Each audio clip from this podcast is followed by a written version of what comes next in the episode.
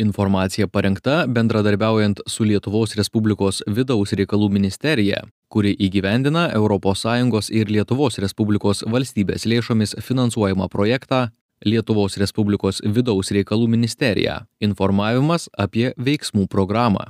Sveiki, mėly žinių radio klausytojai, prie mikrofono Lina Lunieckienė ir šiandien mes kalbėkime apie lyderystę viešajame sektoriu. Sektoriuje net 30 procentų konkursų viešųjų įstaigų vadovus neįvyksta, todėl daugėja įstaigų, kurioms vadovauja laikinieji vadovai.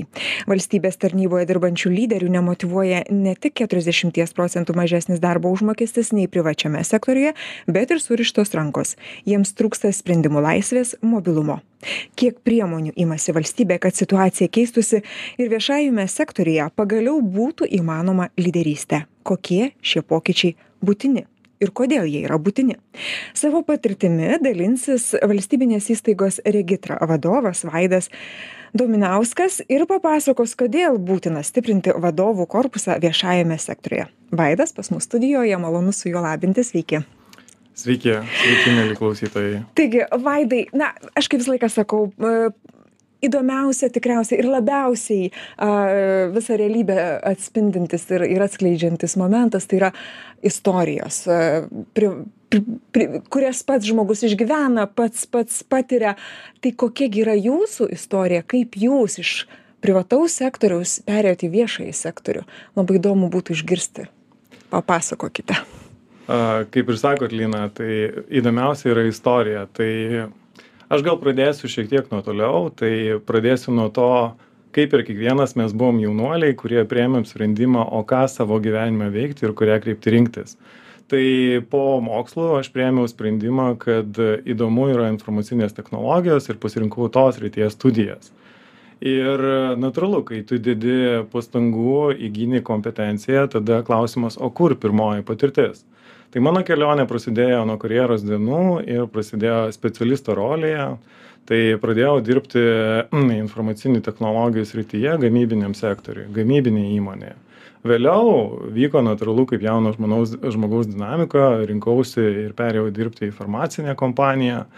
A, tačiau po specialisto grandies kai tu įgyji reikiamas žinias visada ateina klausimas o kas toliau?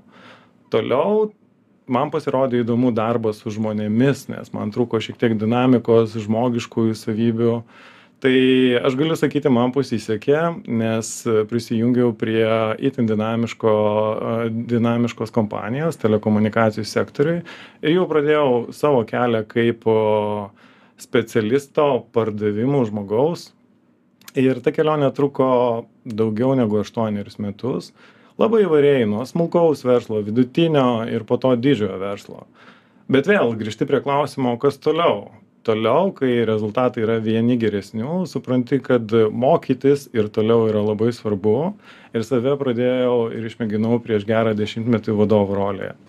Tai tada prasidėjo ir tolimesnis kelias tai vadovo tai tu supranti kokios atsakomybės tavo kaip vadovo yra kokia kryptis tavo yra tu E, eini savo kelionę ir renkiesi savo autentiškumo kaip vadovo kelią. Tai man taip pat sekėsi, galiu drąsiai pasakyti, kadangi po telekomunikacijų sektorių sekė draudimo rinka, po to vėl sprendimas grįžti į telekomunikacijų sektorių ir per tą laikotarpį sukaupiau daugiau negu dešimties metų skirtingo ir labai įvairių vadovavimo patirčių. Lina, jūsų klausimas yra, ar ne? Taip, labai. Valstybės sektorius. Tokia, tokia įspūdinga karjera privačiame sektoriuje. Ir kada tas lūžis, kada kertinis momentas ateina, kad a, neužtenka man tikriausiai to, to, to privataus sektoriaus, noriu didesnių iššūkių, ar, ar kas įvyksta, vat, kad pasirenkamas būtent kelias viešajame sektoriuje? A, gal sakyčiau, visada, kaip žmogus, grįžti prie klausimo, o kas toliau ir kas vyksta dabar. Čia kaip tai... egzistencinis momentas žmogaus kelyje iškyla. Galima sakyti, kad su patirtimi ateina vis dėlto, kai tu pasieki vienus ar kitus rezultatus, tu galvoji, ko toliau norėčiau išmokti, arba dar toliau, o ko jau galėčiau dalintis tai žiūrint į savo aplinką ir į savo buvusius kolegas pradėjau matyti kolegų kelią viešajame sektoriuje kurie padarė pirmuosius žingsnius laužant tuos stereotipus kad valstybės sektorius toks ganėtinai sunkus keliantis daug ribojimų ir panašių dalykų. Tai aš sakyčiau labiau patirtis ir mano kelias į valstybės sektorių atėjo iš smalsumo kadangi regitra. Aš, aš jau galvoju iš patriotizmo, sakys, kaip tai tautai, kaip valstybei padėti vis dėlto tvarkytis um, savo viešajame sektoriuje. ir tai yra tiesa. Ir tai yra tiesa, Lina, nes žiūrint vėlgi smalsumą ir prasme, tai kuomet atsirado galimybė detaliau pažiūrėti į atvirą poziciją regitroje, tai e, kolegos paskatino pasidomėti plačiau tai ir aš nuėjau ruošti savo namų darbų. Savo namų darbų ką turiu omenyje kad sukaupęs esi patirtį ką reiškia dirbti su žmonėmis ką reiškia dirbti su klientais ir tada detaliau pasižiūri į įmonės veiklą kas yra regitra tai taip namų darbus dariausi detalius kad pats labai suprasčiau ir galiu pasakyti kad nustebau. Nustebau kuom visų pirma kad e, regitra per metus aptarnauja daugiau negu pusantro milijono klientų įvairiais kanalais. Ir tas suvokimas e, koks tai yra dydis e, tuo pačiu ir įpareigoja kad okei ar gal galima pakeisti žmonių patirtį kas yra susiję su regitra vis dėlto jeigu keičiasi žmonių patirtis tai keičiasi nuomonė ir apie visą valstybės sektoriaus veiklą kaip tokią tai čia vienas yra smalsumas o antras sakyčiau čia yra labai daug apie prasmę. Apie prasmę kalbu apie tai kad e, mūsų įmonė prisideda prie eismo saugumo ir kuomet tu vėl atsisuki į valstybės interesą ir pasižiūri į eismo saugumą čia yra labai svarbi sritis na o atsisukant vėlgi į mūsų kitoje pusėje esantį žmogų tai yra į klientą na mes kiekvienas gyvenime esame klientai ir e, mes turime lygiai tokius pačius lūkesčius. Ar mes ateitumėm į įmonę regitra ar ateitumėm į lietuvos paštą banką ar telekomunikacijų įmonę. Mes norime vienodos ir geros patirties. Ar tai įmanoma padaryti? Manau kad taip. Ar tai lengva? Manau kad ne bet viskas įmanoma vaidai va taip vat ranką prie dūšios pridėjęs pasakykit nesigailit savo va šito sprendimo? A ranką prie dūšios pridėjęs aš galiu pasakyti kad aš gyvenime nesigailėjau jokių savo sprendimų jeigu jie yra a iš tiesų skirta laiko jiem priimti ir suprasti kur eini ir dėl ko eini. Mhm. Kokie iššūkiai didžiausi? Vat kokius iššūkius jūs didžiausius įvardintumėt perėjęs į į viešąjį sektorių aš manau kad valstybės sektorius lygiai taip pat susiduria su tais pačiais iššūkiais kaip ir verslas. Apie ką kalbu tai nuolatinė dinamika ir mes gyvenam laikmety kada pandemija geopolitinė situacija na iš esmės jinai keičia keičia ne tik darbo modelį keičia apskritai visą veiklą.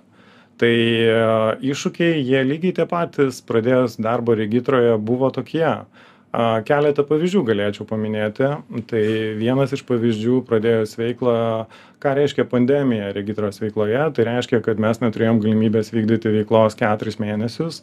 Ką tai reiškia praktikos egzaminuose vairuotojam kurie nori įgyti vairuotojo pažymėjimą tai reiškia kad taip susikaupė eilė ir pradėjus dirbti laukimo eilė buvo trisdešim dvi dienos a ir čia yra sprendimas ar taikstytis prie aplinkos ar galvoti apie sprendimus. Tai aš labai džiaugiuosi komanda kad mes susitelkėm ir kartu pažiūrėjom į šitą situaciją kiek kitaip. Ir ir iš čia gimsta tada sprendimai. Tai tai yra smalsumas tuose sprendimuose rezultate. Tai eilė sprendimų buvo įgyvendinta nuo bendruomenės įtraukimo ir tūkstančio egzaminų plius iniciatyvos iki veiklos perorganizavimo ir netgi visuomenės pakvietimo prisidėti nes trylika procentų žmonių neatvykdavo į egzaminą šiai dienai per nepilną pusmetį šitą dalį mes sumažinom daugiau negu perpus ar čia yra iššūkis?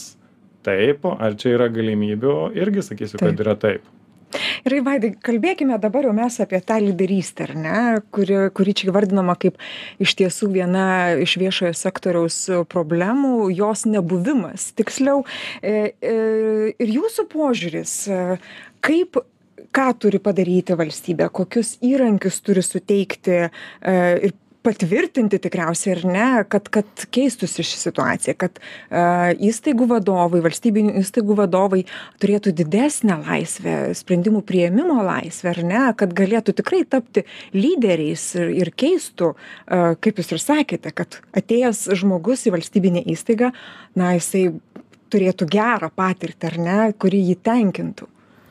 E, iš tiesų, Lina, kaip ir minėt, e, jeigu analogiją dedame į vartotoją ir į klientą, tai lygiai tokią pat analogiją turėtumėm dėti į, ir į darbuotoją iš, iš darbdavio pusės.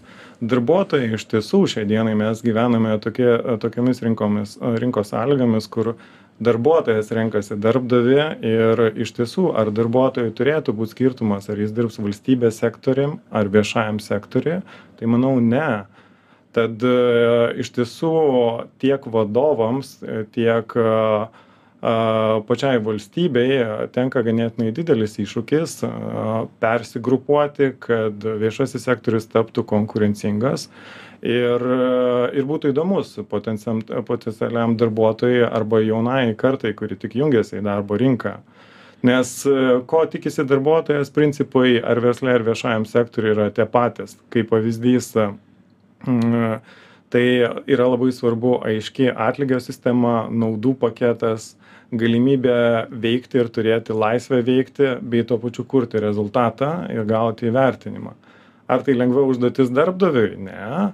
Ar vadinkime, darbdavys turi turėti tokius pačius lūkesčius į darbuotoją? Tai tikrai taip, nes yra svarbu darbdaviui užtikrinti patrauklias sąlygas bet tuo pačiu ir sukurti visą sistemą kaip pavyzdys mes tikimės iš darbuotojų ko mes tikimės mes tikimės kompetencijos mes tikimės įsitraukimo mes tikimės kūrybiškumo tai ir lygiai taip pat mes turim suprasti o kokį ko reikia kad darbuotojas mokytųs ko reikia kad rezultatas būtų. Ir tą rezultatą ne ne tik mes matuotume bet visuomenė piliečiai klientai jį matytų.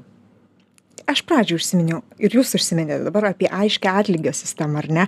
Na keturiasdešim procentų mažesni atlyginimai palyginus su a privačiuoju sektoriumi tiesa na nemotyvuoja nu atrodytų keturiasdešim procentų atsisakyti darbo užmokesčio tikrai neatrodo patraukliai ir ir manęs neskatintų eiti į į viešąjį į viešąjį sektorių. A kaip jūs manote ar išspręs šitą šitą vat momentą ar įmanoma jį išspręsti e ir kiek darbo užmokestis lemia sprendimą dirbti darbovietėje? Mes jau iš dalies atsakėm kad tikrai motyvacija čia didelė yra.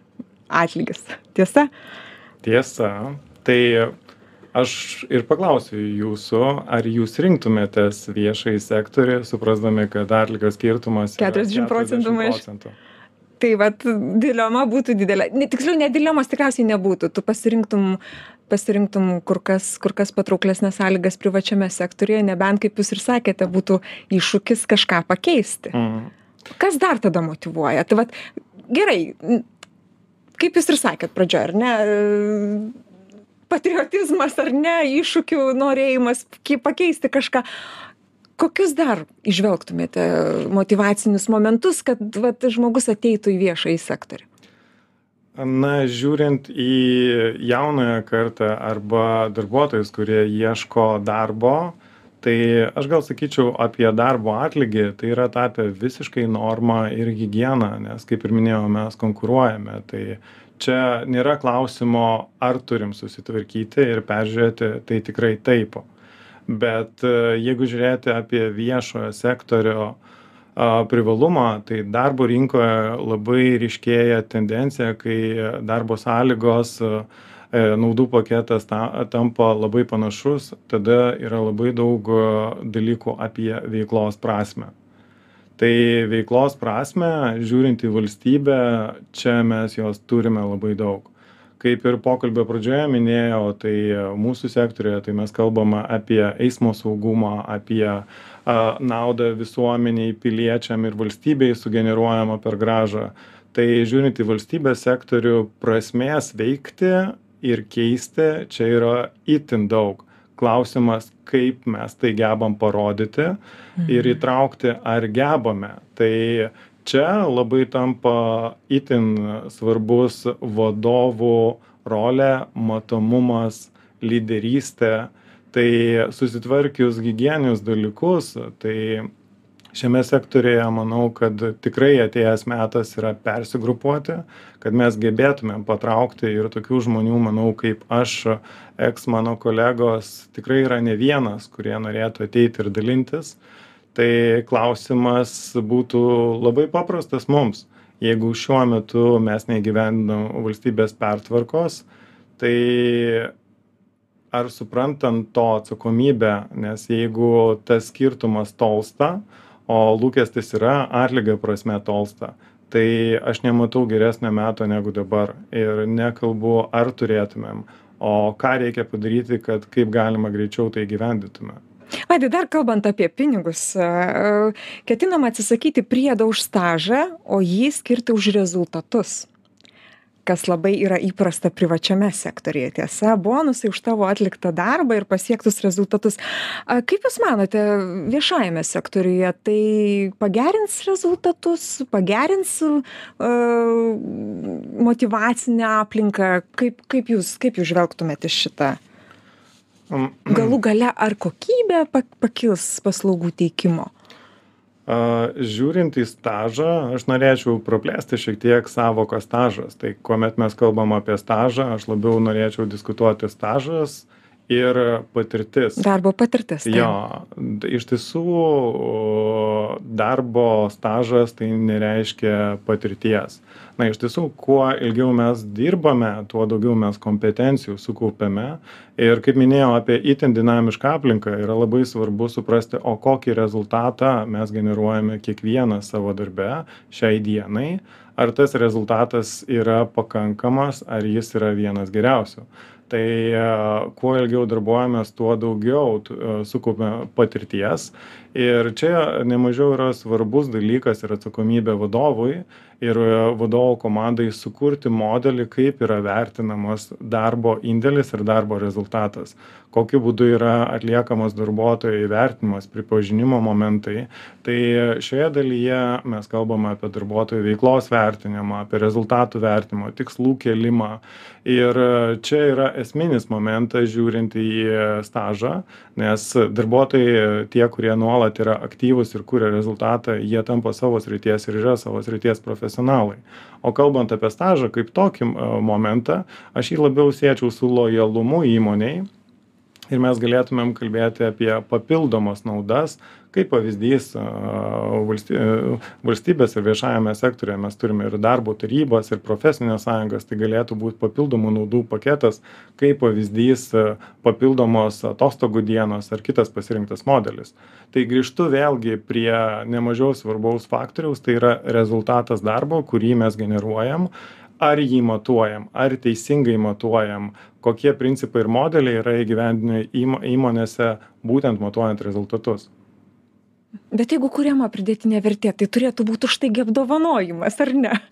Taip natūralu tai ir tai keistų iš esmės praktiškai visą visą visą visą nuotaiką tiek tiek darbuotojų tiek aplinkoj tiek tiek viso viešojo sektoriaus jeigu jeigu būtų tokie pokyčiai. Kaip jūs galvojat? Ir vėlgi mes atsisukame į vadovus. Ar vad vadovai imasi atsakomybės tai keisti nes visi greičiausiai suprantame kad tai nėra paprastas ir lengvas kelias.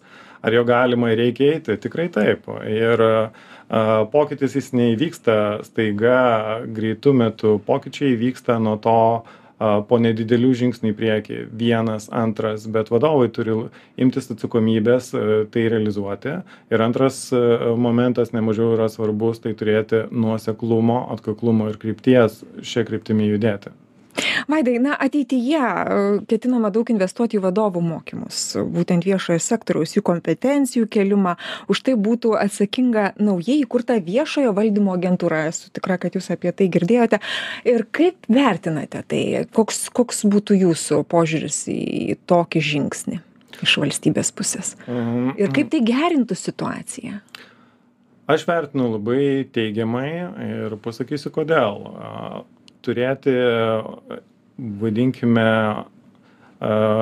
organizaciją, kuri rūpintųsi visų viešuoju sektoriu, dėktų vienodą gerąją praktiką sukurtų galimybę dalintis patirtim teiktų rekomendacijas atliktų kiekvienos įmonės vertinimą tai e, aš manau kad e, labai teisingas ir laiku žingsnis kad mes apie tai svarstom nes patirtys sritys yra labai įvairios tai norisi kad būtų ta ta organizacija kuri apjungtų viską ir kalbėtų apie vis dėlto kokiu tempu kiekviena organizacija arba viešoji įstaiga juda. Ar juda tinkamu greičiu ar reikia padėti ir prisidėti prie formavimo atlygio politikos veiklos vertinimo. Kokie tie yra pirminiai ir tolimesni žingsniai? Tai aš manau kad čia būtų pui e, puikus darinys e, judėti į priekį. Na kaip ir sporte galima sakyti kad jeigu mes susėdom į į a irklente tai yra labai svarbu suprasti ar vienodu tempu irkluojam ir ar kryptis yra vienoda. Tai aš čia matyčiau būtent apie tai kad ir ar vieningai tai darom ar ne? Būtent vieningai. Ir ir tik tokiu atveju mes galėsim keisti ir didesniu tempu keisti požiūrį visuomenės į valstybės sektorių ir laužyti mitus ir stereotipus kurių yra pakankamai dar daug. Vaidai dar dar kalbant apie apie apie a pritraukimą ir ir išlaikymą viešojo sektoriaus darbuotojų šiuo metu vidutinis tarnautojo amžius apie penkiasdešim metų. Kaip pritraukt jaunimą į viešąjį sektorių nes na gi penkiasdešim metų tu čia čia jau aišku dabar jau jau jau jauni žmonės penkiasdešimtmečiai pagal mūsų standartus visus. Bet bet norėtųsi dar ir vis tiek to to šviežesnio kraujo į į viešąjį sektorių nes technologijos gi plėtojasi ir požiūriai vis vis kinta naujos kartos ateina su savo specifika. Kaip kaip čia matytumėt kokius žingsnius Tai kaip ir minėjot, kad e, vyksta e, savalaikis atsinaujinimas turi vykti, patirčių keitimas ir lygiai taip pat, e, jeigu darbuotojai sukuria pridėtinę vertę, turi savo sėkmės istorijas, jie juda savo karjeros keliu ir jie juda nebūtinai į viešąjį sektorių, jie gali ir turi būti patrauklus lygiai taip pat ir verslo sektoriui, bet kita kryptis lygiai tokia pati yra, vėlgi grįžtant labai apie prasme tai mes turim kalbėti valstybės lygiu ir valstybinėje sektoriuje apie prasmę ir kiekvieno galimybę indėliui. Bet e, čia mes turim susitvarkyti pagrindinius dalykus. Aš tai vadinu higiena tai susitvarkyti atlygio politiką atlygio principus žiūrėti ar mes esam konkurencingi e, rinkoje ar mes teisingai matuojame rezultatus ar mes turim galimybę e, leisti darbuotojam veikti kurti ir taip formuoti įmonių kultūrą ir įmonių kultūras nes nuo kultūros irgi labai daug kas priklauso nes jeigu visi norim tai vadinasi visi galim. Ir tada klausimas kompetencijų mokymosi ir panašių dalykų. Tai aš sakyčiau kad užduotis ne iš lengvųjų bet žingsnis po žingsnio ir visi dalykai yra padaromi. Todėl mes vėl atsisukam į būtinybę šiai dienai padaryti būtinuosius dalykus valstybiniam sektoriui tai įgyvendinti reformą ir suteikti daugiau įgaliojimų laisvės bet tuo pačiu atsakomybės vadovų grandžiai nesvarbu kokio lygmens vadovų grandžiai ir labai kalbėti apie prasmę. Tai apie prasmę kodėl verta ir ko mes tikimės iš valstybės sektoriaus įmonių ir nes kitoje pusėje yra visuomenė ir piliečiai. Jie yra mūsų geriausias indikatorius ar mes veikiam teisinga kryptimi ar ne. Jei ne tai vadinasi mes kartu su valstybės sektoriaus vadovais turime eiti į atvirą diskusiją diskutuoti girdėti ir daryti pokyčius kad visuomenės interesas būtų išpildytas o darbuotojų interesas irgi lygiai toks pat prasmė kuri keistų įvaizdį. Tikrai taip tikrai taip.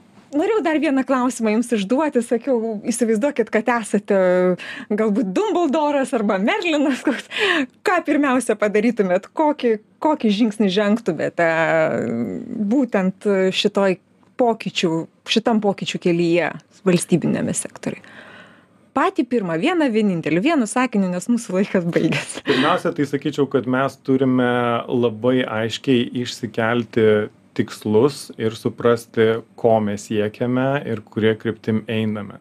Tada natūralu sutelkti visus kad šitas pokytis įvyktų. Nes e, viskas prasideda nuo noro nuo tikslo ir įdėtų pastangų.